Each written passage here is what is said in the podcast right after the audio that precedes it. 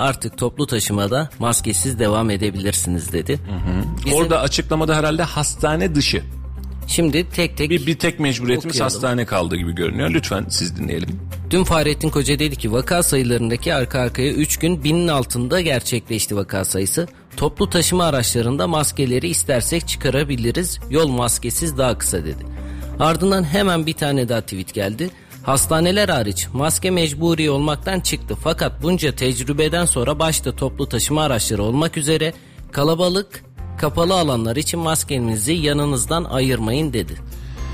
Ee, efendim hepimize geçmiş olsun. Toplu taşımadaki e, maske kuralımız da çıktı. O ne kadar uygulanıyordu? Ee, uygulanmıyordu zaten. Yani öyle bir toplu taşımada maske krizi falan yoktu. Otobüslerde de yoktu. e, uçakta da yoktu doğru düzgün. Ama tabii buna takıntılı olan insanlarımız vardı. Yine söylüyorum maske geçse de e, geçen hafta da biliyorsun bunu konuştuk. O vakalar düşüyor mu dediğimizde maske de geçse de titiz teyzelerin maske hevesi geçmeyecek. Yani şikayet ederim söylerim bak senin yüzünden böyle oluyoruz hevesi geçmeyecek ama e, şunu lütfen hesaba katın alabileceğimiz oksijen şu an ortada olmayan vakadan korunmaktan çok çok daha önemli. Hele hele bu kadar sıcak gelmiş. Geçtik sıcağı normal şartlarda da yani e, kendi karbondioksitini al Allah al al Allah al milletin beyni mantarladı. Yoksa bu kadar zammı bile belki yaşamazdık. Biraz maske de bize etkili. E, mantarlıyoruz yani e, oksijen alamamaktan dolayı düşünemeyen bir toplum haline gelmeye başlıyoruz. Bunun için evet maskeyi lütfen çıkartalım. E, daha önce de söyledim hala görebiliyoruz mesela açık alanda parkta çocuk tek başına oturuyor. Anneden nasıl bir baskı destek aldıysa böyle ağızda maske ya açık alandasın ağacın altındasın. Yeni bu bahsettiğim geçen hafta. Tek başına oturuyorsun yani çıkart şu maskeni bir nefes al bir çocuğum gencecik adamsın senin oksijene ihtiyacın var. E, ama e, iki yılımızı yediğimiz maske serüveninin de sonuna gelmiş olduk. Hepimize hayırlı olsun. Sadece hastanelerde kaldı diyoruz. Uzun zamandır hastaneye gitmediğim için inşallah da gitmem. E, maskenin son durumunu bilmiyorum ama e, süreç itibariyle vatandaşımız evet. E, mesela kış dönemine doğru geldi. Kendini grip hissediyorsun, kendini kötü hissediyorsun, kendini ateşli hissediyorsun. Kendini ve etrafındaki insanları korumak için maske takabilir misin? Evet bu makul bir tavır. Ama bunun dışında maske takmaktan özellikle çocuklara ve gençlere taktırmaktan lütfen uzak duralım. Onların alacak oksijene ve çalışacak bir kafaya ihtiyaçları var. Yoksa diğer türlü sıkıntı yaşayacağız. Ee, vaka sayısı binin altına düşmüş. Bazı ülkelerde sıfırlar birlerden bahsediyoruz. İnşallah o günlere de döneriz. Ee, o günlere de çıkıp e, ve Covid'i hiç yaşanmamış kabul edebiliriz bu kış dönemine. Çünkü eğer bunu bitirmezsek o bin kişi e, yeniden kış dönemini bize kriz yapmaya yeterli olabilir. E, aşıların da günleri ve etkileri geçti. Hani çok bir esprisi kalmadı antikorların sıkıntı yaşayabiliriz. Biz baktığımızda bazı kararları fazlasıyla uygularken bile abartısına kaçabiliyoruz. İşte parkta tek başına oturan çocuk. Takın dediğimiz zaman takmayan bir kesim var. Takmayın dediğimiz zaman da takan bir kesim var. Tam Yani her şeyi zıt- özeti değil mi bu zaten? Zıt olarak algılıyoruz. O yüzden de toplu taşımada ne kadar uygulanıyordu? En son gelen karar bilim kurulu toplantısı sonrasında Cumhurbaşkanı Erdoğan açıkladı hatta bu kararı. İşte ne olacak toplu taşımada kalkıyor mu dediğimizde o gün açıklanan karardan sonra toplu taşımada ben takıldığını kendim şahsım adına çok fazla görmedim. Valla toplu taşıma kullanmıyorum ama gelip geçerken baktığım kadarıyla ne durakta beklerken ne de otobüste ben de görmedim. Artık vatandaş da şoför de sıkıldı. Yani işin uygulama yetkisini şoföre veriyorsun. Kardeşim maskeni taksana diyor. Sen taksana diyor. Ben takmıyorum diyor. Mecburiyet mi değil. Hukuki olarak da mecburiyet değil. İşin kötüsü bu. Şimdi mesela e, artık geçtiği için belki birazcık daha rahat konuşabileceğiz. Hani düzeni bozmamak için anarşistliği biz yapmayalım diye çok sesimi çıkartmıyordum ama Mahmut Bey bunu açıkladı hatırlıyorsun Mahmut Çay. Şimdi İl Hıfzı Sağ Kurulu kararıyla maske takmayı zorunlu hale getiriyorsun. Bunu getiremezsin. Hıfzı Sağ'ın tanımında bu yok. Hukuki olarak vermiş olduğun maske cezasının karşılığı yok. Yani sen bana maske takmadın diye bana muayede uygulayacaksın. Yapamazsın ki. Karar ne, ne diyorsun? Genelge diyor. Genelge yok. Ne var? Hıfzı Sağ Kurulu kararı var. Bak Hıfzı Sağ Kurulu'nun e, temel niteliğine seni maskeyle alakalı kitleyemez Hıfzı Sağ Kurulu. Ve biz iki yıl boyunca bundan dolayı meslekten edinen, mesleğinden olan, işinden gücünden olan, okula gidemeyen insanlar gördük. Mesela alerjisi var, kulağında yara var, ağzında yüzünde yara çıkıyor, maske takmak zorundasın diyor. Takamaz kardeşim bu ya. Takamaz. Yani bunun için gidip de sana heyet raporu mu alacak, maske takamaz raporu mu alacak? Bunların her birine iki yıl içerisinde bu memleket yaşadı, geçti. Çok şükür geçti. İnşallah bir daha yaşamayız ama e, ben buradan çok fazla ders edinmemiz gerektiğini düşünüyorum. Yani bu pandemi süreci bizim kanunları uygulama yöntemimiz. Bizim kolluk kuvvetlerimizi ka- kovul- e, kolluk kuvvetlerimizin kanunları nasıl uyguladığı, nasıl nitelikli hale getirdiğimizle alakalı çok ciddi ciddi bir kitap ve başucu eseri yazılmalı. Yani mesela düşünsene insanlara diyorsun ki birbirine yaklaşma sosyal mesafe, mesafeyi uzak tut ya da evinde kal diyorsun. Adam sahilde tek başına koskoca bir sahilde çıktığı için ceza yiyor. Adam eşiyle aynı arabada seyahat ettiği için ceza yiyor. yiyor. Eşiyle aynı arabada maske takman gerekiyor diye. Eşi ya. Eşi eşi. Aynı yatağa baş koyuyor bu insanlar. Ve sen bu insanlara ceza yazdın. Bankamatikten para çekerken maskesi yok diye insanlara ceza yazdık. Yani biz bu işin gözünü çıkarttık. Ve bunun için uygulama konusunda kanunun emirlerin uygulanması ve mantığa uygunluğu konusunda belki de başlı başına e, bir e, kitap yazmamız, başlı başına bir süreç belirtmemiz lazım Melih'ciğim. Yani biz her olaydan bir ders çıkarmamız gerekiyor ya. Aslında her geçirdiğimiz olaydan sonra da bir kitap yazmamız gerekiyor ki biz o dönemde neler yaşadık. Çünkü bazen komedi olan şeyler var, bazen de gerçekten ders almamız gereken olaylar var. İyi analiz edip bundan sonraki yaşantımıza da bize iyi bir ders vermesi gerektiği kanaatindeyim. Evet geçelim. Ulusal gündemden devam ediyoruz. Nurettin Nebati uzun zamandır sesini de duymuyorduk Hazine ve Maliye Bakanımızın. Olmazsa olmazımız. Gündemimizin en büyük neşesi, keyfi kederi. Yani skeçlerimizin konusu, gündemimizin konusu, bizim tebessüm konumuz. Ne demiş bakanım buyursunlar. Evet, Gıda Komitesi toplantısı yapıldı ve bununla beraber de orada ekilmeyen tarım arazilerinde tarımsal amaçlı kullanımına ilişkin açıklamaların ölçeklendirilerek ilerlemesi karar verilmiş. Burada aynı zamanda da alınacak kararlarda piyasalar yakından takip edilecek demiş. Gıdalara gelen zamlar, faizler vesaire bununla ilgili biz yakın takibindeyiz. Ne gerekiyorsa yapacağız ifadelerini kullanmış. Efendim şimdi biz bu yağ fiyatlarıyla başlayan serüveni ne zamandır konuşuyoruz Melih'ciğim? Yaklaşık iki ay oldu. Yo yo. Yağ fiyatlarıyla başlayan zam gelmiş. Ee, Rusya-Ukrayna savaşı. Daha öncesinden başlıyor. Yağ fiyatları bize yaz dönemi, kriz dönemimizle beraber başladı. Biz marketlere fahiş fiyat denetimleri yapıldık. Beş büyük markete denetim yaptık. Döndük bir daha denetim yaptık. Bunlara haksız rekabetten dolayı ceza verdik. Ne zaman? Kasım ayında. 2021'in Kasım ayında. Biz o günden bugüne her açıklamamızda gıda ile alakalı ortaya çıkabilecek her türlü formasyonda diyoruz ki efendim biz denetimlerimizi sıkılaştıracağız ve arttıracağız. Sonuç Şimdi hep söylediğimiz hadise ortada gelen yani şu an sen markete gidip de sen bu fiyata niye satıyorsun kardeşim dedi. Marketin verebileceği cevap çok açık ki elektriğim şu, sigortam şu, maliyetim şu, doğalgazım şu sen ne diyorsun bana diyecek geçecek. Şu cambaza bak formülünden devletimizin bir an evvel bizim çıkması lazım. Yani ne zaman ortamda bir fiyat dengesizliği olmuş olsa mesela yarın bir gün ben biliyorum ki bu fiyatlar oturmaya başladıktan sonra akaryakıt istasyonlarını hızla ve acilen denetleyeceğiz diye bir karar çıkacak. Biz neyin kafasına yaşıyoruz? Etmeyin. Yani memlekette sanki yağ stokçuluğu varmış ve stoktan kara borsadan yağ satılıyormuş havasını yaptık. Yoktu böyle bir şey. Yağ hala rafta o gün de rafta. 5 litre yağ 130 lira oldu diye biz yer göğü inlettik doğru mu? Şu an ne kadar Melih'cim 5 litre yağ? 200 lira. Niye sesimiz çıkmıyor abicim? Çıkmaz ben O gün denetim çok özür diliyorum. O gün denetim yapıyoruz diyen insanlar bu denetimi eğer denetimle bu iş çözülüyorsa 130 lira fiyatını en kötümser ihtimalle 120'ye 110'a falan çekilmesi gerekmiyor muydu? Yok ki böyle bir dünya. Tarım kredi marketlerin var şeker satıyorsun. Şekeri sattığın yerde biz şeker bulamıyoruz.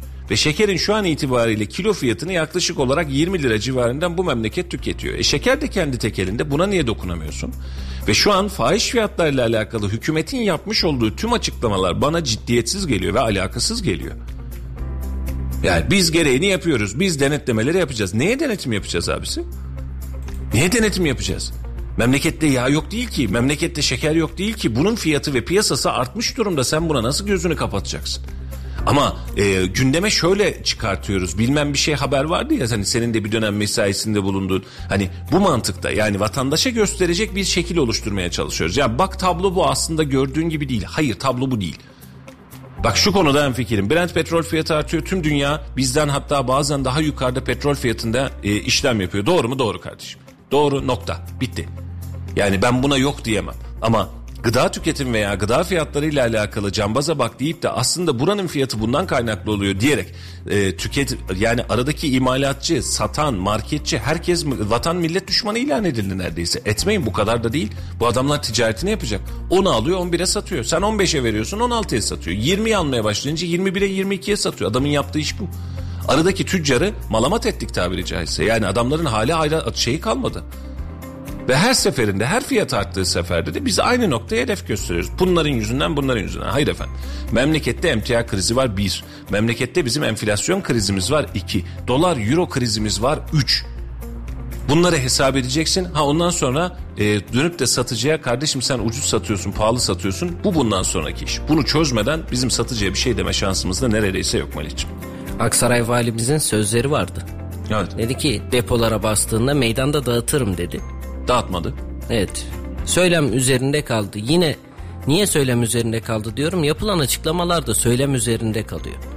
Evet denetleyeceğiz. Üç büyük markete gidip şu an üç harfli marketleri denetliyorsunuz. Yaptırım yapabiliyor musunuz? Yok. Bir tane dilekçe yazıp onu Ticaret Bakanlığı'na yollayabiliyorsunuz. Sadece Ticaret, burada Tica- değil. Ticaret Bakanlığı da diyor ki sen niye fiyat arttırdın diyor. Markette gidiyor diyor ki efendim benim maliyetlerim arttı. Ben bundan dolayı fiyat arttırdım. Giriş verisi arttı diyor. Geçmiş olsun kapandı dosya. Fahiş fiyatla alakalı işlem yapılan adam yok neredeyse. Şimdi bunu da hep şunu söylüyorum. Biz şu an ne yapıyoruz Meriç'im? Diyoruz ki yağ zam gelecekmiş misal.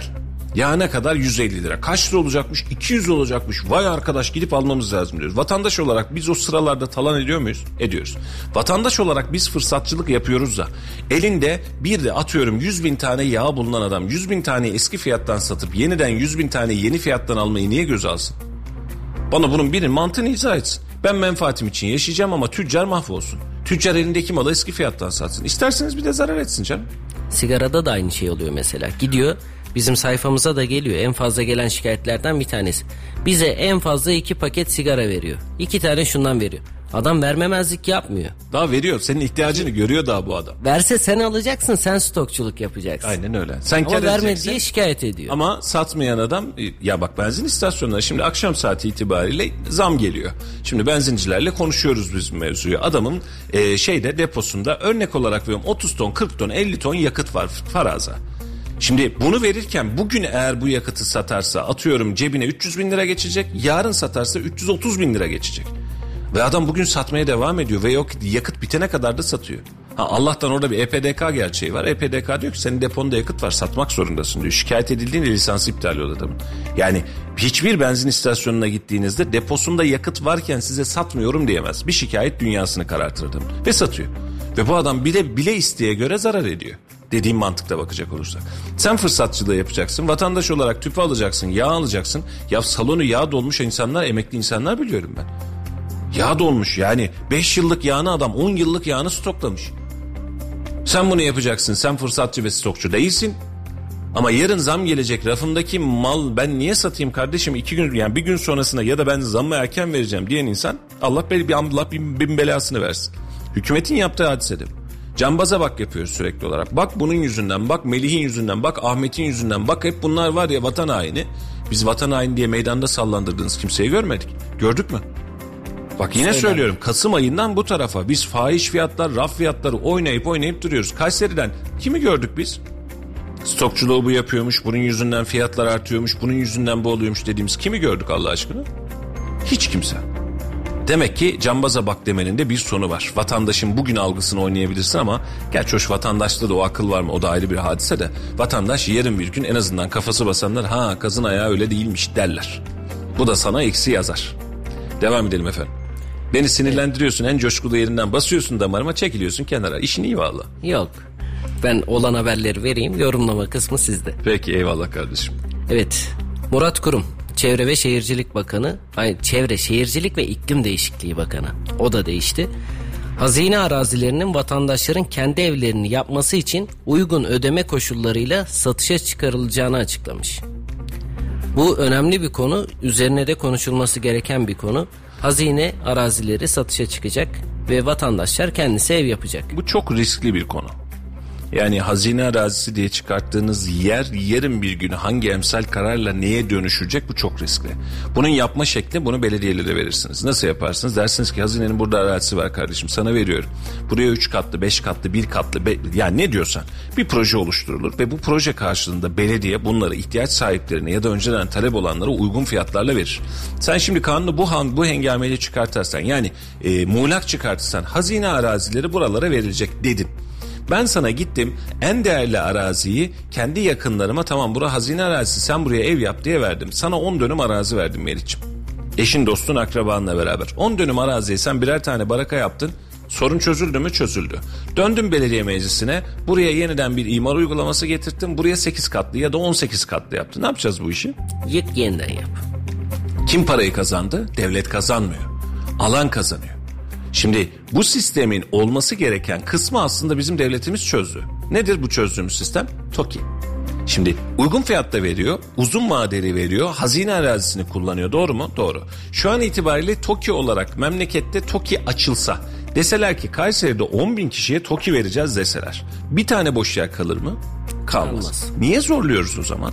Ve vatandaş da artık güveniyor TOKİ'ye. Önceden böyle mesela ilk yapıldığı aşamada böyle miydi bilmiyorum ama şu an TOKİ'den ev al. Rağbet de var.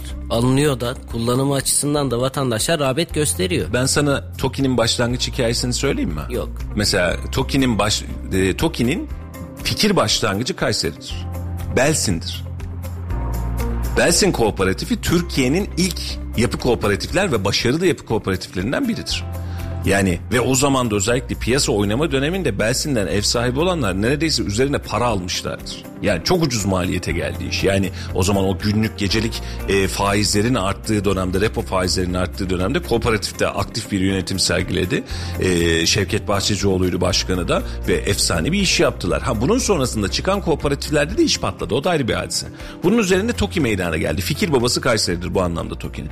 E, TOKİ meydana geldi tamam ve TOKİ'de şu an yapılan işlerde vatandaş diyor ki aylık 1500 lira, 2500 lira ben e, kira ödeyerek oturduğum yerde hem de. Yani hem oturuyorum, oturmaya devam ediyorum hem de bunu kira öder gibi ben bu parayı ödüyorum diyerek mutlu mesut hayatına devam ediyor. Ama şimdi bakanlık başka bir karar çıkartıyor. E, hatırlarsan orman arazilerinin 2B e, orman arazilerinin dönüşümüyle alakalı da böyle bir formülizasyon gerçekleşti ve çok fazla şaibe çıkarttı. Sen bana şu an bu yetkiyi açarsan ben hemen en yakınımdaki ya da en değerlenebilecek e, devlet arazisini, kamu arazisini, milli emlak arazisini ben kendi uhdeme çekmeye çalışırım devlet arazisini. Yarın bir gün sen benden belediye ya da kamu olarak gelir bu araziyi satın almaya çalışırsın. Kendi küçük zenginliklerimizi oluşturmuş oluruz. Ne gerek var? Köyde de istiyorsan TOKİ'li yap. Mesela prefabrik bir ev modeli yap. TOKİ gitsin yerine koysun adamdan parasını alsın. İşi bitince tapusunu devretsin. Ne kadar garantili bir yöntem. Ama sen bana arsa veriyorsun. Niçin? Ev yapmam için. Ben müstakil ev mi yapacağım oraya yani e, gece kondu mu yapacağım? Ev yapmam içinse benim bir, bir, iyi kötü bir yapı oluşturmam lazım. Mimariyi Türkiye'de düzeltmeye mi çalışıyoruz, eksiğe mi götürmeye çalışıyoruz? Şunu anlarım ama mesela örnek veriyorum Sarıoğlan'da kırsal alanda adamın arazisi var, arazisinin yanında bir arazi daha var ya da oradan bir yer. Tamam gel burada ev yap, hadi tarlanı da ek filan tamam bunu anlayabilirim. Ama kapsamı sen tüm hazine araziler için bu mantıkta çıkartacak olursan halimiz eyvah Meriç'im. Ya bak yine söylüyorum kendi yeniden zenginliklerimizi ortaya çıkartırız. Birçok kamu arazisini yok ederiz. Karşılığında da hiç kimsenin işine yaramayacak bir düzene oluştururuz. Amaç ne? Ev fiyatlarını mı düşüreceğiz böyle yaparak? Ev fiyatlarını mı düşüreceğiz? Ev fiyatlarını düşürmek istiyorsak müteahhit fiyatlarını düşürelim. Betonu düşürelim, çimentoyu düşürelim, demiri düşürelim, pencereyi düşürelim. Geçtiğimiz yıl kendi TÜİK verilerine göre yüzde yüzün üzerinde ev maliyetleri, inşaat maliyetleri artmışken ev fiyatlarını düşürmek için arsa vermek mi yöntem sadece? Böyle bir dünya yok. Yani verilen karar sadece yine popülist ama birilerini zengin edecek karar diye düşünüyorum. Çok önyargılı görebilirsin beni ama birazcık öyleyim. Yok yani neden benim de kafamı karıştıran şey oldu. TOKİ varken neden vatandaşın kullanımını açıyoruz diye o yüzden yorum gerektiren ve önemli de bir konu. Nasıl olur, nasıl biter tabii ki her zaman söylüyoruz. Bu da önümüzdeki dönemlerde belli olmuş olacak. Biraz Birkaç da... tane soru var. Ee, daha doğrusu yeni gördüm mesajları. Halime Hanım demiş ki Kayseri'de yapılan ruhsatsız evlerden de bahseder misiniz? EGS mağduruyum arsamız satıldı evimizden atılacağız. Elektrik abonesi, su abonesi ve mesken verilmiş ama kaçak ve ruhsatsız kocaman 14 katlı iki blok nasıl yapılmış? Belediye e, buna nasıl görmemiş merak ediyorum. Halime Hanım konuya çok vakıf değilim. Size yardımcı olmak isterdim ama vakıf olmadığım bir konuda da işkembe Bey Kübra'dan bir yorum yapmak istemem ama e, mağduriyetinizi hukuksal yöntemle aramanızı ve size bu mağduriyeti yaşanan belediye ise dahil yani mesela bahsettiğiniz sarza eğer mesken verilmişse e, kaski dahil ka, e, kepsaç dahil bunların tamamına dava açmanızı tavsiye ederim ama dediğim gibi konuya çok vakıf değilim. E, Özden Hanım e, bir mesaj göndermiş. Yağları esnaflar doldurdu evine. Yağ miadını tamamlar ve kullanılmaz hale getirir oksitlenir kanserojen olur yenmez. E, bunu bilmeden evine 3 yıllık yağ yemek için koyuyor satıyorsa kansere de davetiye alır kendini bilsinler istedim. Stokçu esnafları da haram zehir zıkkım olsun bu halkın hakları iki, iki cihanda sürünsünler demişler. Efendim öyle bir dua ettiniz ki biz sarsıldık buradan. E, ama e, meseleyi şöyle görün. E, siz esnaf olsanız daha basit bir yöntemle söyleyeceğim. E, geçen sene e, 800 liradan 900 liradan 5 tane küçük altın almışsınız. Küçük altının fiyatı artmış. Bana yeniden 800-900 liradan bu küçük altını satıyor musunuz? Satmıyorsunuz. Şu an gidiyorsunuz kazancılara kaç lira olmuş altın diyorsunuz? 1600 lira. Benim altınım 1600 lira diyorsunuz. Doğru mu? Doğru. Şimdi esnafın elindeki mal eşittir sermaye. Benim bir küçük bakkaliyem var düşün. Kenarda 30 bidon parasını vermişim. 30 bidon 30 teneke ne diyorsan de yağ almışım. Tanesi 100 liradan almışım. Şimdi 100 liradan aldım fiyatı 200 lira olmuş ne yapacağım? 100 liradan satayım sat. Yerine 30 bidon alamayacak bu adam. 15 bidon alacak doğru mu? Sermayesi küçüldü mü? Dükkanı küçüldü mü? Şimdi senin param büyürken benim param niye küçülsün? Senin canın yanmazken benim canım niye yansın? Enflasyonist sistemlerde denge bu şekliyle ilerler. Devletin belirleyeceği konu şu olmalıdır. Enflasyonun hangi kıvamda duracağını belirlemek durumundadır. Yani biz sene başında Ocak ayında hatırlıyorsun Cumhurbaşkanları Finans Ofisi Başkanı'nın Ocak ayında enflasyon eksi olacak dediği günden şu an yüzde yetmiş olacak dediği güne geliyoruz. Bu da hangi veri? TÜİK, TÜİK verisi. Enak verisine görüyorsun. Yüzde yüz elli. Şimdi bu dengenin içerisinde sen tabloyu toparla ve diyeceksin ki esnafa kardeşim sen bugün itibariyle kaç lira? 100 lira. Yıllık enflasyonum kaç? Yüzde 15. Misal. Vatandaş diyecek ki Hm, ben yüzde 15'te tamam bu sene 100 liraysa seneye 115 lira olur bu mal diyecek buna göre planla yapacak. Sen şu an enflasyon yüzde 75 diyorsun. Market grubuna girip de yüzde 75 enflasyon bulabileceğin hiçbir ürün yok. Meyvesi, sebzesi, yağı, unu, ne istiyorsan parfümerisi dahil, züccaciyesi dahil buna hiçbir ürünün enflasyonu yüzde yetmişte değil. Esnaf ne yapacak? Esnaf kendi dengesini koruyacak.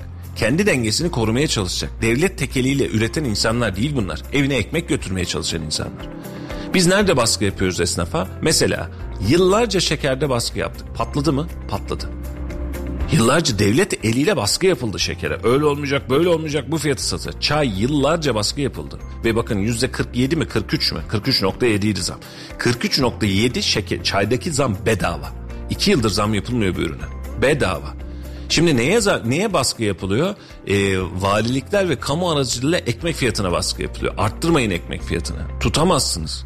Un fiyatı artmış e, doğalgaz fiyatı artmış, elektrik fiyatı artmış, işçilik fiyatı artmış, ekmek aynı fiyatta kalsın. Kalmaz ki. Ekmeğin şu an Kayseri standartlarında da olması gereken minimum kent ekmeğin fiyatı 3 lira. Kent ekmek fiyatı 3 lira. Pazardaki fiyat 4-4,5 lira. Olması gereken bu. Şimdi geçtiğimiz gün bir fırıncıyla haber yapmışız altına vatandaş yürümüş. İşte şöyle yapsın zarar ediyorlarsa kapatsınlar. Yerin o fırın kapatırsa ekmeği bulamazsın.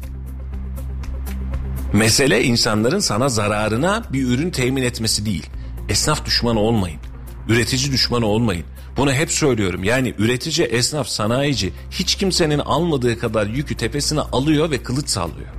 Mesela diyorsun ki kaç tane çalışanınız var efendim diyorum. 100 tane çalışanım var diyor. O iyiymiş maşallah filan diyorsun.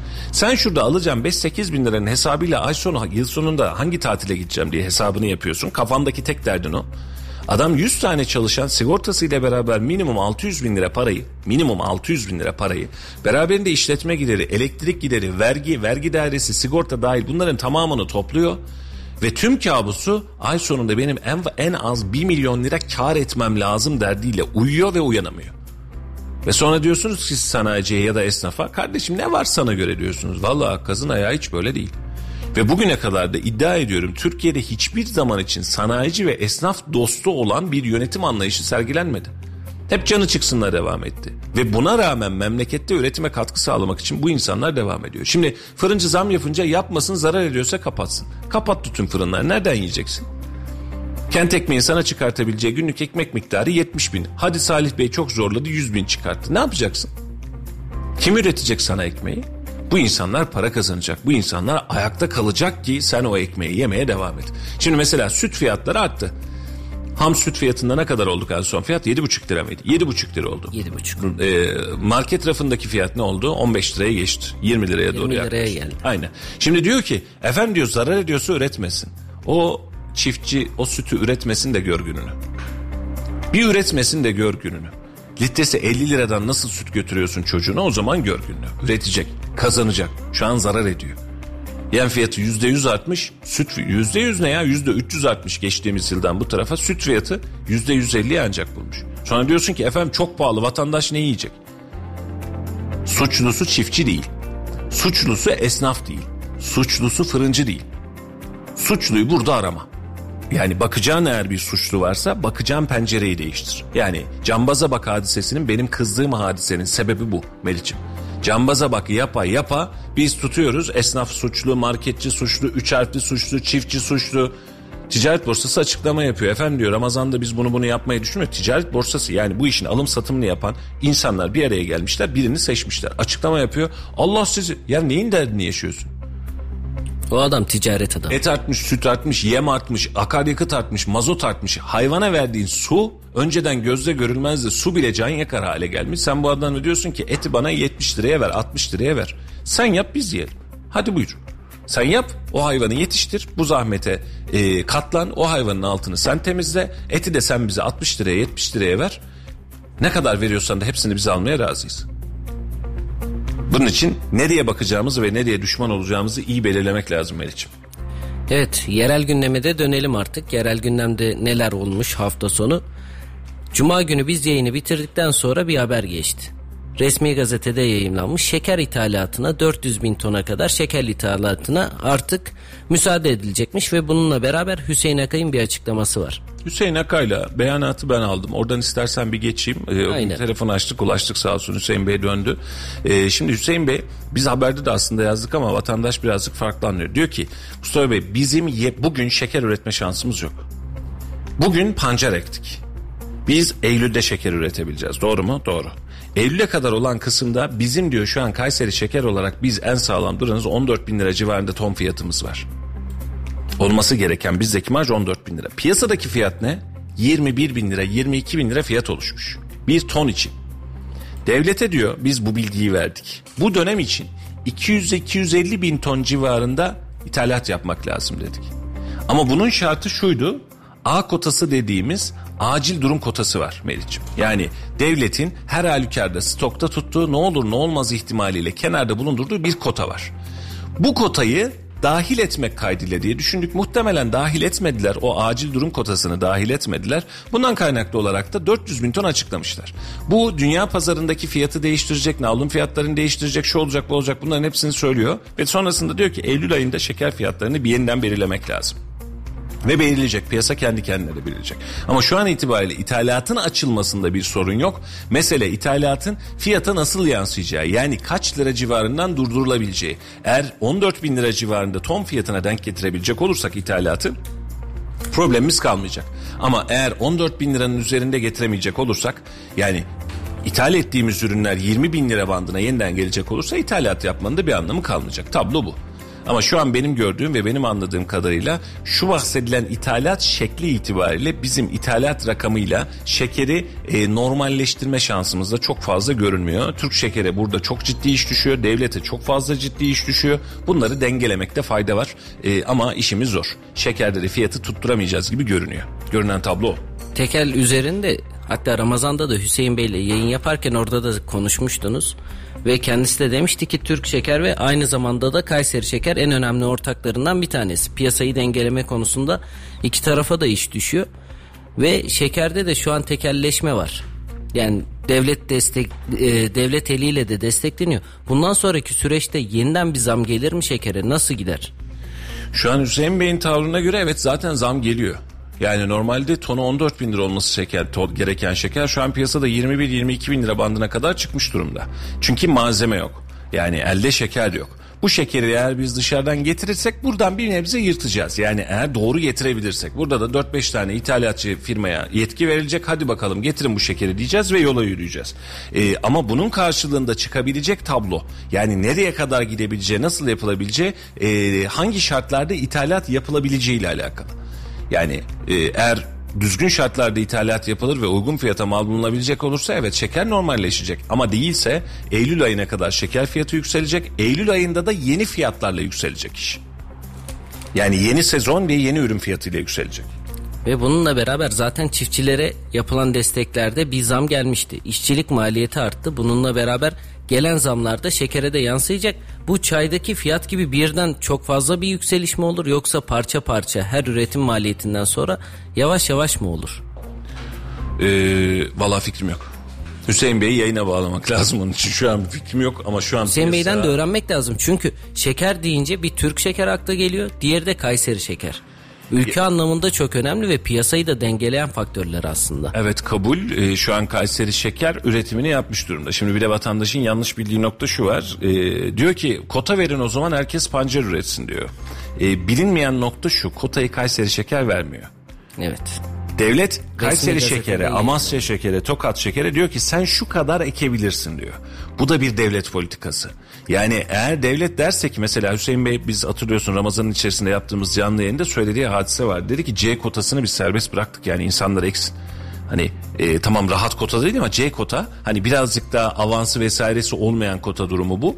E, birazcık daha riskli bir kota ama sonucu olan bir kota. Buyurun üretsin herkes dedi. Ama devlet bu anlamda kota limitini kaldırırsa şeker fabrikalarına ya da önlerini açarsa Hüseyin Bey'in mesela isyanlarından bir tanesi buydu. Diyor ki Amasya Şeker diyor istediği geçen yılki kotayı tutturamamış ama bu yıl kota farkı yani kota arttırımını Amasya Şeker'e yapmışız. Ya ben yaparım diyor.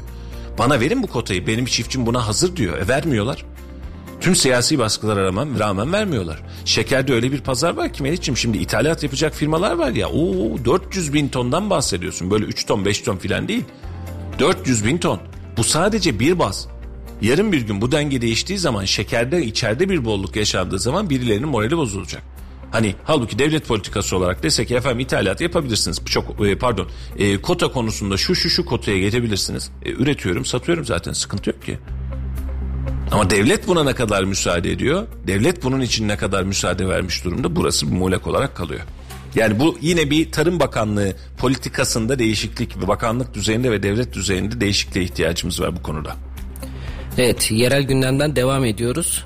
Kayseri Esnaf ve Sanatkarlar Odası Birliği Başkanı'nda gergin geçen bir seçim vardı. İki aday yarıştı ve bu iki adayın sonucunda da Şeyhi Odakır başkan olarak seçildi. Evet, ittifakın başkanı. Cumhur İttifakı'nın başkanı Şeyhi Odakır. Belki de yerel gündem olarak konuşmamız gereken en önemli gündem konularından da bir tanesi. E, Oto Sanatkarlar Odası Başkanı'ydı Şeyhi Bey. Şu anda da Esnaf Sanatkarlar Odası Başkanı. E, Mustafa Alan'ın destekleri ve beraberinde e, siyasi desteği de arkasına aldı. Siyasi desteği nasıl arkasına aldı? E, Altan Bey'in adaylığı söz konusuydu. Altan Bey MHP kanadını kendince temsil ediyordu. Sonra Kayseri Büyükşehir Belediyesi'nde toplantı salonunda gerçekleşen bir toplantı sonrasında ittifakımızın adayı Şeyhi Bey'dir. Altan Bey de listenin içindedir diye bir açıklama çıktı.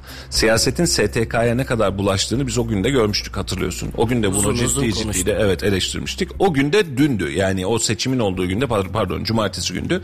Cumartesi günü itibariyle bu seçim sonuçlandı. Tüm ittifak baskısına rağmen yakın bir farkla. En yakın adayıyla yakın bir farkla iş çıkmış oldu. Hayırlı uğurlu olsun. Ee, ne kadar hayırlı olacağıyla ve siyasetiyle alakalı ben de hep muğlak kalacak. Yani Şeyhi Bey'in görev süresi Allah uzun uzun ömür versin ne kadar sürecekse ben bu süreç içerisinde bunun adayısın bunun adayısın demekten de çekinmeyeceğim. İyi bir insan olduğu söylenir. Şahsen tanımam.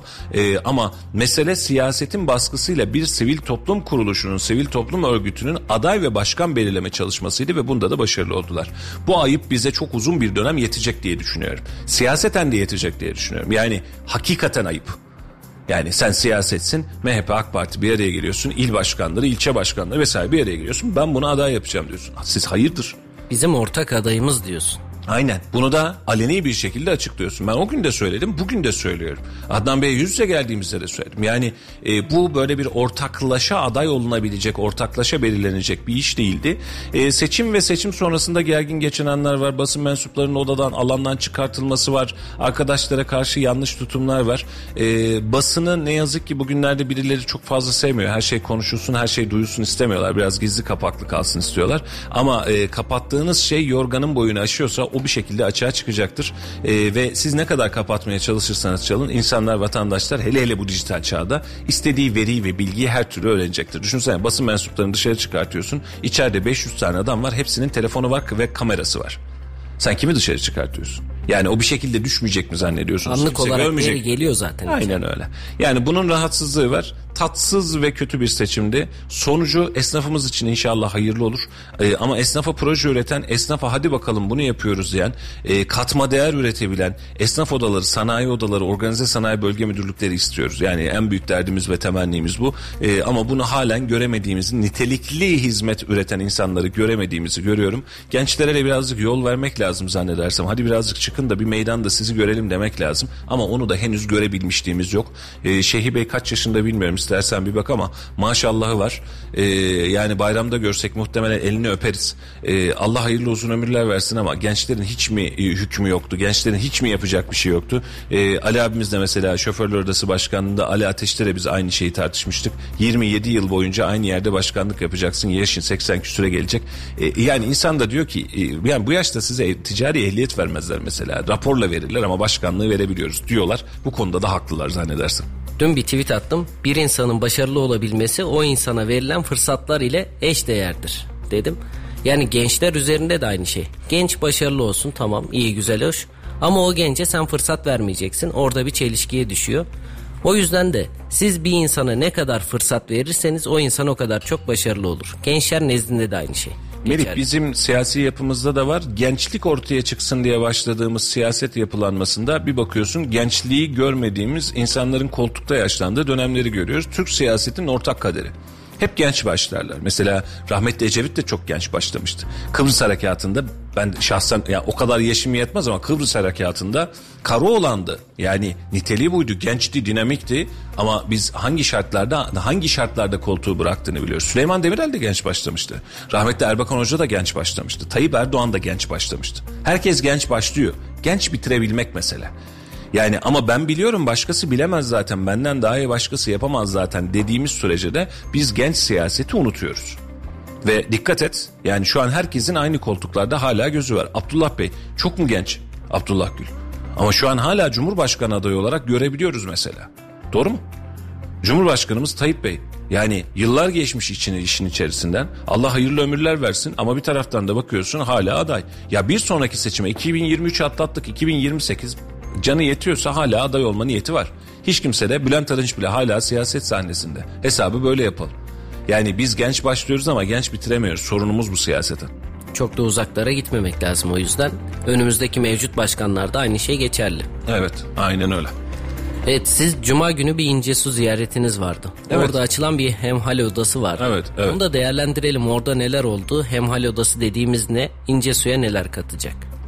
Şimdi İlmek Başkan ilginç bir e, siyaset anlayışı var. Gerçekten ilginç bir siyaset anlayışı var. E, o gün de davet etmiş, keyifle katılacağımı söyledim. E, bizim aslında görmek istediğimiz bir tablo. E, belediye meydanında saat kulesinin orada bu e, hanın o tarafa doğru bir alanda güzel bir oda yaptırmışlar. Böyle şark köşeli falan güzel bir oda yaptırmışlar. Başkanım buna ne dedim? Hemhal odası dedi. Nasıl olacak yani dedim. Gel dedi. E, içeride bir baktım. Her vatandaş gidiyor. Çayını içiyor, şekerini ikram ediyor. Muhabbete baktım, samimiyet var. Samimiyetin içerisinde talep var. Başkan bizim yolları şöyle şöyle mi yapsan diyor. Burayı böyle böyle mi yapsak diyor. Bunun şuna ihtiyacı var diyor. Niye yaptınız başkanım dedim. Hani yan tarafta belediye var zaten. Dedi ki bir kat çıkacaklar belediyeye. İçeride odamızda misafirimiz oluyor. Girişte beklemesi gerekebiliyor. Bazen çekinebiliyor. Bazen gelmek istemiyor. Bak dedi buraya kaldı. Vatandaş gelir derdini söyler biz de elimizden gelen bir şeye varsa yaparız. O anlamda çok pozitif bir e, duruş sergilemişler. E, ellerine emeklerine sağlık. Biliyorsun Talas Belediyesi de benzerini şeffaf odayla yapmıştı. O da bizim hani ilk haberinde hatta biz yapmışızdır belki de şeffafını. Kendileri sosyalde paylaştı. Hadi gidiyoruz dedim arkadaşlar. Ben de beraberinde gittim. Başkan Bey de hatta oradaymış. ilk haberi de orada yapmıştık. O da nitelikli bir işti. Vatandaşa dokunabilen vatandaşın derdini dinleyebilen, vatandaş ne diyormuş diye duyabilen belediyecilik anlayışına ihtiyacımız var. Ee, yoksa ne oluyor? Yoksa Kayseri Radar'a düşüyor. Kayseri Radar'ı gördükten sonra siz yapıyorsunuz. Ha, biz yine teşekkür ediyoruz yapıldığı zaman vesaire ama e, sadece Kayseri Radar'a düşmesi anlamında ya da bir mere cimere yazılması anlamında değil. Vatandaş karşısındaki yetkiliye dokunmak istiyor. Şikayetini anlatmak istiyor. Derdi varsa anlatmak istiyor. Olumsuz denilecekse yüzüne söylenmesini istiyor. Mesela vatandaşın uçuk fikirleri var. Ya da vatandaşın uçuk istekleri var. Adam Adam ev yaptırmış evin içindeki boyayı da isteyebiliyor mesela. Hani bunun niye yapılmayacağını da vatandaşa anlatmak gerekiyor. Ben çok pozitif bir belediyecilik anlayışı olduğunu görüyorum. Talas bunu başardı, İncesu bunu başarıyor. Ben tüm belediyelerin de özellikle merkez belediyeler için Melik Gazi'nin, Koca Sinan'ın büyük şehrinde böyle yapmasını temenni ediyorum. Melik Gazi'de var sanırım. Ya Melik Gazi'de ya da Koca Sinan'da. Şimdi büyük şehirde mesela bir şeffaf oda tarzı meydana bir şey yaptı. Büyükşehir Ama şimdi vatandaş şunu istiyor. Başkanı görmek istiyor. Görmek istiyor ya. Yani ben kimi seçtiysem onu görmek istiyorum diyor. Sen şimdi orada bir daire başkanını atıyorsun. Bir bürokrasi var karşında. Şimdi e, biz meclislerden biliyoruz şimdi Mehmet Savruk yönetirken e, ya da Memduh Bey yönetirken etki ve reaksiyonu aynı mı? Değil. Her şey bir şekilde motifini değiştirebiliyor. Bunun için durduğunuz yer e, ve temas ettiğiniz nokta önemli. Mesela Memduh Başkan üzerinde çok daha girişken, çok daha alanda bulunabiliyor ama vatandaşın derdini dinleme konusunda birazcık daha bir adım daha öne çıkmak gerekiyor belki de. İncesu'daki bu pozitif hava bize yansıdı işin açıkçası. O gün de misafir ettiler sağ olsunlar. Bundan kaynaklı olarak da ben e, kendilerini tebrik ediyorum. Diğer belediyelere de örnek olmasını özellikle başkanlık özelinde. Hani bir yer yaptık, vatandaşı dinliyoruz, bizim telefon hattımız var değil. Başkanlar özelinde de bu alanda bulunmayı önemli olduğunu düşünüyorum Meriç'im. Güzel bir e, proje gerçekleştirmişler. Biz bunun örneklerini de daha önce görmüştük zaten. Talas Belediyesi, Belediyesi ile beraber başlayan ve devamında da gelen güzel bir proje olduğu zaman diğer belediyelere de örnek oluyor. O yüzden de yapılan işin niteliği gerçekten çok önemli. Eğer bu şehre, bu vatandaşa bir şey katıyorsa ardı arkası kesilmemesi lazım. Vatandaş olarak da gereken desteğin verilmesi lazım. Evet. Şimdi e, ufak bir son dakika piyasa verisi verip bir laf sokaklıya dönmek istiyorum izninle. E, şu an itibariyle Brent petrol fiyatı 120 doların bir tık altına indi. 119.89 e, ama yine de zam beklentim benim için devam ediyor. E, dolar fiyatı bankalar arası piyasada 16 lira 37 kuruş olurken euro fiyatı 17 lira 63 kuruş olarak işlem görüyor. Serbest piyasada ne olmuş bir kez de ona bakalım. 16 lira 45 kuruş dolar fiyatı iken 17 lira 69 kuruş hatta 70 kuruş şu an itibariyle euro fiyatı. E, ons fiyatı 1863 dolar. E, gram altın ve çeyrek altına bakalım. Gram altın fiyatı 992 lira olurken yeni bir çeyrek altını şu an İstanbul Kapalı Çarşı'dan almaya kalkarsanız 1621 lira ödemeniz gerekiyor. Bir hafta içerisinde yaklaşık 120-130 lira civarında bir farktan bahsediyoruz gram altında. E, altın da coştu, döviz de coştu. Bakalım sonrası ne olacak? Laf Sokak'ta ekibi hafta sonunda hazır havayı sıcak görmüşken yazın tatilde ne yapıyorsunuz demiş. Ne kesiyorsunuz bu bayram demiş kısaca. Yaz tatil için planınız var mı diye ekibimiz sormuş. Yaz ayına son bir ay kalmışken bazı kesimlerin tatil planları başladı.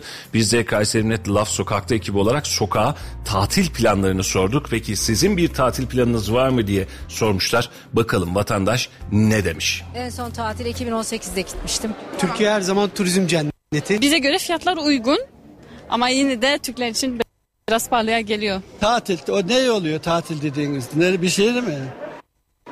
Bir yerlere mi gidiyorlar? Geziyorlar mı? Biliyoruz ki yaz ayları yaklaşıyor. Biz de Laf Sokak'ta ekibi olarak vatandaşa tatil planları olup olmadıklarını, otel fiyatlarından memnun olup olmadıklarını sorduk. Bakalım ne cevaplar almışız. Yaz için tatil planınız var mı? Var. Peki nereye gitmeyi düşünüyorsunuz? E, Didim'de yazlığımız var. Yazlığa gideceğiz. Okullar tatil olunca yazlığımız var. Didim'e gideceğiz. Peki otel fiyatlarından e, haberiniz var mı veya memnun musunuz? Valla beni o bağlamıyor. Neden? Çünkü kendi yazlığım olduğu için otel fiyatları beni hiç ilgilendirmiyor. Yok geçim o kadar zor ki tatili ne yapak sabahtan beri geziyor beş kuruş ucuz bir şey diye. Düşünmüyorum. En son tatil 2018'de gitmiştim. Türkiye her zaman turizm cenneti. Bize göre fiyatlar uygun ama yine de Türkler için biraz pahalıya geliyor. Tatil o ne oluyor tatil dediğiniz? Ne bir şey mi? Bir yerlere mi gidiyorlar? Geziyorlar mı? Efendim tatil planları filan dedik ama birazcık bizim videoda zannedersen bizim sistemde bir sıkıntı var. Ee, doğru düzgün Teknik size... problemler nedeniyle. Ee, evet Meriç'im aynen öyle. Teknik ufak tefek problemlerden kaynaklı olarak size verimizi oluştu- ulaştıramadık. Bunun için özür diliyoruz sizlerden. Ee, ama Laf Sokak'ta videolarımızı ve Laf Sokak'ta ekibinin yapmış olduğu hazırlıkları Kayseri Net ve Kayseri hesaplarından izleyebilirsiniz. Ee, 700. bölümünü bile açtığımız her gün hafta içi her gün ve cumartesi dahil olmak üzere iki yılı aşkın süredir yapmış olduğumuz Laf Sokak'ta sokağın eğilimini de size aktarmaya, bize aktarmaya devam etmiş oluyor ama bugün aktaramadık yani. Kusurumuza bakmayın o kadar yanlış kadı kızında da bulunur. Ahmet Bey'e söyleyelim sistemde ufak bir sıkıntı var. Yayınımızdan sonra kendisi ilgilensin efendim. E, teknik anlamda varımız yoğumuz her şeyimiz. Efendim 91.8 Radyo Radar'dasınız. Günü gündemi ve dünü size anlatmaya çalıştık. Mümkün olduğunca da e, piyasa verilerini de sizlere ulaştırmaya çalıştık. E, an itibariyle e, bakanlıkların açıkladığı veriler dahil olmak üzere e, şu an görüyoruz ki maske yasağımızı biz bitirmişiz. Bu anlamda bir rahatlığımız var. Bu günün önemli gelişmelerinden bir tanesiydi. E, Bakan Murat Kurum'un açıkladığı bir hadise daha vardı. Neydi bu? Dedi ki e, kamu arazileri ev yapmak isteyen vatandaşlara açılacak. Biz de buna birazcık eyvah dedik ama bakalım süreç nasıl gelişecek, nasıl geliştirecek? E, çünkü e, sonucu görürsek ancak malzemeyi anlayabileceğiz. Neyin ne çıkacağını anlayabileceğiz. E, meşhur Eskişehir hadisemiz var. Onu e, baz almadık. Melih'ciğim e, sen de oradan bakacak olursan zannedersem yanlış hatırlamıyorsam sosyal medyada gündem oldu. Odunpazarı Belediyesi'nin gündemiydi hatta. E, valiliğe ait bir alanda belediye bir karar alıyor. Diyor ki parklarda yoga yapamazsınız diyor. E, ve orada yoga yapmaya çalışan kadınları da alandan çıkartıyor. E, sosyal medyada ciddi anlamda bir trend topik oldu bu. E, özgürlükler konusuna girdi. Eskişehir girdi. Yetki alanına girdi. Girdi de girdi. E, şimdi parklar ve bahçelerde insanların spor yapmasını, yoga yapmasını engellemeye çalışırsanız bu insanların nerede yapacağını belirlemeniz lazım. Yani burada yapamazsınız ama gelin size buraya bir alan açtım dersiniz. E, parklar insanların, kadınların, erkeklerin, gençlerin, çocukların kullanımı içindir. E, parklarda bu kadar uygunsuz hareket varken, bu kadar uygunsuz veri varken yoga yapılmasını engellemeye çalışmak için çok ciddi absürt bir yoga yapılıyor olması lazım. Yani insanlar spor yaparken, koşarken sıkıntı yoksa e, bu anlamda da çok sıkıntı yaşatmamanızı tavsiye ederiz. E, yine bir özgürlükler meselesi çıktı. Hafta sonunda da biliyorsun e, geçen haftaydı Isparta Belediyesi'nin Melek Mosso ile alakalı aldığı bir karar vardı. E, bu da çok tartışıldı. E, biz de tarafımızı bu anlamda aslında çok net belirt, belirtmiştik. E, Melek Mosso Kayserili aslan. E, bu kısmı geçiyorum. Kayserili olduğu kısmı geçiyorum. Burası benim çok umurumda değil ama insanlar açıklama yaptı diye e, birileri buradan bir cezalandırma yöntemine gitmemeli. İnsanlar özgürce bu ülkede istediğini açıklamalı. E, sahneye çıktığında sanatçı olarak çıkıyor. Hani onu çıkartmadınız Seda Sayan'ı çıkarttınız yerine. Sebep ne anladım ben bu işten? Çok mu daha düzgündü, çok mu daha mantıklıydı? Burası da ayrı bir tartışma konusu. Ama insanları e, farklı cemaat ve farklı tavırlarla bunu yapmayacaksın, bunu yapacaksın cezalandırılmasıyla gezi olaylarından beri bu biliyorsun yaşanıyor. Sonucunu aldık mı? Gezi sanatçıları dediğiniz İstanbul Büyükşehir Belediyesi çıkartıyor. Gezi sanatçısı olmayan 15 Temmuz sanatçılarını siz çıkartıyorsunuz. Sizin sahnenizde 15 Temmuz'da destek vermeyen, sizin için marş yazmayan insanlar sahnenizde yok. E diğer tarafta sizin sanatçılarınızı çıkartmıyor. Sanat dediğin siyasi olarak böyle bir ayrıma geçebilir mi? Olabilir mi? Normal şartlarda sanat için sanat bizim oturup da sanatçıyı görmemiz lazım. Ama bizim baktığımız tavırda kazın ayağı öyle olmuyor. Senin sanatçın benim sanatçıma geliyor iş. Peki bu hafta bizim mecliste neler bekliyor? Bu hafta gündem yoğun. Evet. Bununla beraber genel kurulda ihracatçılara ilişkin düzenleme ve avukatlık meslek, meslek kanunu ve ihracata ilişkin kanun maddeleri görüşülecek. Aynı zamanda geçen hafta da söylemiştik sosyal medya kanunu dezenformasyonu engellemek için yapılan mücadele teklifi de görüşülecek. Ne olacak nasıl bitecek bilmiyoruz ama avukatlık meslek kanununda nüfusu büyük olan illerde birden fazla baro açılması ile ilgili gündem maddesi de görüşülmüş olacak. Biz de bu hafta sonu görüşüldükçe büyük ihtimalle yorumlamaya devam edeceğiz ama bize en çok ilgilendiren kısımlardan bir tanesi büyük ihtimalle sosyal medya yasası olacak. Gelecek nasıl gelecek geldiğinde hapis cezası da konuşuluyor. İyi yönleri neler kötü yönleri neler bunu da fazlasıyla konuşacağız. Şimdi Meriç'im sosyal medyada şuna ben varım baştan beri de bunu destekliyorum. Mesela kimliği belirsiz adı belirsiz insanların farklı troll hesapların ortasından çıkıp pat diye gündem değiştirmeye ya da ortaya infial uyandıracak malzemeler çıkartması konusunda verilebilecek cezalar ben fikrim. Şimdi e, ama e, iletişim başkanlığı da bunu çok çok iyi biliyor ki bu bahsettiğimiz hesaplar zaten Türkiye sınırlarından verilmiyor. Bu yurt dışı ya da en azından Türkiye'de ise bile bir firewall'un arkasına, güvenlik duvarının arkasına sığınıp yurt dışı üzerinden görünüyor. Bundan kaynaklı olarak da burada suç isnat ettiyseniz bu şahsı yakalamanız lazım. Zaten şu an normal kanunlarda da bu şahsı yakalayabilecek durumunuz var ve cezası da var. Mesela infial oluşturmak 3 yıldan başlayacak diyor ya da 3 yıl diyor cezası doğru mu? Şu an itibariyle toplumu kim ve nefrete sürüklemek dersin, kamu düzenini bozmak dersin, toplum düzenini işte bir şeye çağırmak dersin. Bunun her birine zaten ceza verebilirsin. Şu an aslında aslında bir görgü yapılıyor. Deniliyor ki bakın efendim bir haberi paylaşacaksanız doğru olup olmadığından emin olun. Toplumda farklı bir infial oluşturacaksa o zaman ben size dur derim. Bu etik olarak ve basın ahlakı olarak da yanlış. Şimdi insanlar isterse bireysel olarak isterse basın mensubu olarak şunu yapabilirler. Görmüş olduğum bir şey var. Evet görmüşüm. Bu haber mi haber. İçerik doğruysa bunun karşılığında normalde kimsenin durmaması lazım. İçerik doğru. Ama bu benim hoşuma gitmedi sana ceza vereyim. Böyle bir dünya olamaz. Şu an gelen kanunda benim tereddüt ettiğim bu ismin, bu kısmın infial oluşturmayla alakalı kısmının tanımsız olması. Yani mesela düşünsene hani toplumda bir şey oluşturuyor. Tamam oluşturuyor. Kimde oluşturuyor? Bende oluşturuyor. Bana geçti bu duygu demek gibi bir şey. Bana geçmedi. Yani senin için bu olabilir. Bunun da en büyük sebebini şurada göreceğiz Melih'ciğim. Ne yazık ki üzülerek söylüyorum. Özellikle e, gurbetçiler konu şey gurbe, çok özür diliyorum gurbetçi nereden çıktı. Göçmenler konusunda yaşayacağız. Göçmen haberleriyle alakalı bu ciddi anlamda taarruz ediyor. Mesela hafta sonunda hazır yeri gelmişken söyleyeyim. Argıncık'ta Suriyeliler ve Türkler arasında bir çatışma yaşandı. Ciddi anlamda ortam gerildi, polis geldi, gazlı müdahaleler vesaire ortalık savaş alanı. İlk gelen görüntüler itibariyle çok minimumda geçtik. Ya ama mahalle ayağa kalkmış ne yapacağız haberci olarak? Gözümüzü mü kapatalım? Yani yok mu varsayalım? Mecburuz yani buna geçmek. Ha bunu söylerken hani şunu yaparsanız şu dili kullanırsanız kabul ediyorum. Yani Suriyeliler bunu yapmış mesela asparagas. Bundan dolayı Türkler bunu yapıyormuş. An ve an gidiyoruz hadi bakalım olay karıştı filan insanları davet eder gibi. Bu konuda sizde hem fikrim. Ama habercinin işi bu.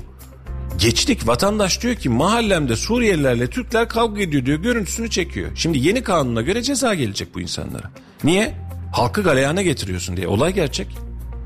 Ya da aynı şey ekonomide gelen zamlarda göreceğiz. Evet. EPDK, EPKİS arasında yaşanan gelişme. EPKİS artık EPKİS açıklamıyor. hala açıklamıyor. Yani mahkemelik oldular hala açıklamıyor. Ya iyi de neye göre karıştırmak? Yani ortada bir mesele var. Ha şuna bak şuna razıyım. Mesela hiç olmayan bir yerden bir şey varmış gibi biri bir haber üretiyorsa, asılsız asparagas gibi bir gündem oluşturmaya çalışıyorsa, bunu bot hesaplarla trend topik yapmaya çalışıyorsa, troll ordusu kullanıyorsa hangi partili olursa olsun. Ben buna karşıyım. Elon Musk Twitter alıyordu vazgeçti. Trolleri ayıklayın öyle verin diye. Doğru mu? Ya adam dedi ki gerçekten çok sahte hesap var. Bunları ayıklayın bana öyle verin dedi. Ayıklama yöntemin var mı? Hadi geldi çıkışın içerisinden tonlarca hesap oluşturulmuş. Bir bakıyorsun hiç olmayacak bilmem bir şey pıt yaptı diye trend topikte gündem oluyor adamlarla. Ne alakası var diyorsun. Adamlar bot hesaplarla çalışıyor. Şimdi bot hesaplarla yapılabilecek algıları, operasyonlar ne diyorsanız ben varım. Verecekseniz cezayı verin. Halkı kışkırtmak deyin, halkın gündemini değiştirmek deyin. Ama şimdi hali hazırda var olan bir olayı e, gözümüzü kapatalım. Niye? Beni rahatsız ediyor. Rahatsız ediyorsa okumayacaksın abicim o zaman. Kanun bu haliyle çıkar ve uygulanırsa, yani bu haliyle uygulanırsa çıkması önemli değil. Nasıl uygulayacağınız önemli. Uygulanırsa işimiz harap. Yok uygulanmaz da sadece bu yurt dışından vesaireden temsil edilen e, halkı galeyana getirmek üzere kendisine kurgu yapan işler üzerine uygulanacaksa destekçisiyiz. Problem yok. Ama tutup da sana bana öbürüne kardeşim sen bunu yaptın ama ben bundan rahatsız oldum diyerek uygulanacaksa bu özgürlüğün hiçbir kaidesine sığmaz. Zaten bu da gerek anayasa gerekse e, Avrupa mahkemelerinden insan hakları mahkemelerinden rahatlıkla döner. İnfodemi diye bir kavram ortaya çıktı. Bilgi kirliliği. Evet. Artık şu dönemde. Biz vatandaşlara önce medya okuru yazarlığıyla ne olduğunu ne bittiğini anlamasını aşılamamız lazım. Çünkü gerçekten öyle hesapları da geçtik. Öyle yazan troll kişiler var ki gerçekten kendi yalanlarına kendileri inanır düzeyde gerçekleşti. Melih burada bunu vatandaşa ve kurumlara öğretmekten bir adım ötesi kurumlara şunu öğretmemiz lazım. Var olan hali hazırdaki bir haberin doğrusunu nasıl açıklan, doğru enformasyonu nasıl anlatacağını anlatmak lazım. Bak bizde mesela olay gündeme çıkıp Twitter'da vesairede trend topik olmadığı sürece kamu kurumları açıklama yapmazlar. Yani ağızlarını kapatır beklerler başımıza işe almayalım diye. Sen doğru bilgiyi vermezsen birileri doğru bilgiyi verir. Ya da yanlış bilgiyi doğru bilgi olarak servis eder. Gezi olayları bence bu anlamda önemli bir mihenk taşıdır. Mesela gezi olaylarında tüm medya hatırlıyorsun değil mi? Penguen şeylerini, belgesellerini filan hatta onlar bile gündem olmuştu. Gözünü kapatıyor. Hiçbir şey yokmuş gibi davranıyor. Sen burada bir şey yok dersen sokağın sesi orada bir şey olduğunu fark ettirir ve seni patlatır. Ve yanlış gündemde yanlış bilgiyle patlatır. E, sokağın gündemini daha doğrusu haberin gündemini doğru verebilmek için senin doğru veri akışını sağlaman lazım. Sen sağlarsın.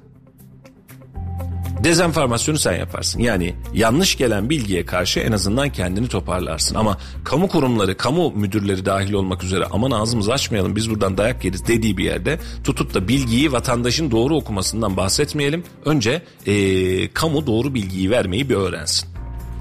Veda mı ediyoruz? Eline evet, sağlık. Evet. yayınımızın sonuna geldik. Saat şeyi gibi böyle salladın eli. Efendim e, kendinize iyi bakın. Haftanın ilk günüydü e, ve ayın sonuna geliyoruz. Yarın da son gün olmuş olacak ayın. E, Mayıs ayını kapatacağız. Haziran ayında sizlere de selam vermiş olacağız. E, ama yarın sabah da yine Melih'le Allah'tan mani gelmezse sizlerle birlikte olacağız. Saat 7'den 9'a kadar 91.8 Radyo Radar'da size ulaşmaya günü gündemi değerlendirmeye devam ediyor olacağız. E, yarın yeniden görüşene kadar şimdilik hoşçakalın efendim.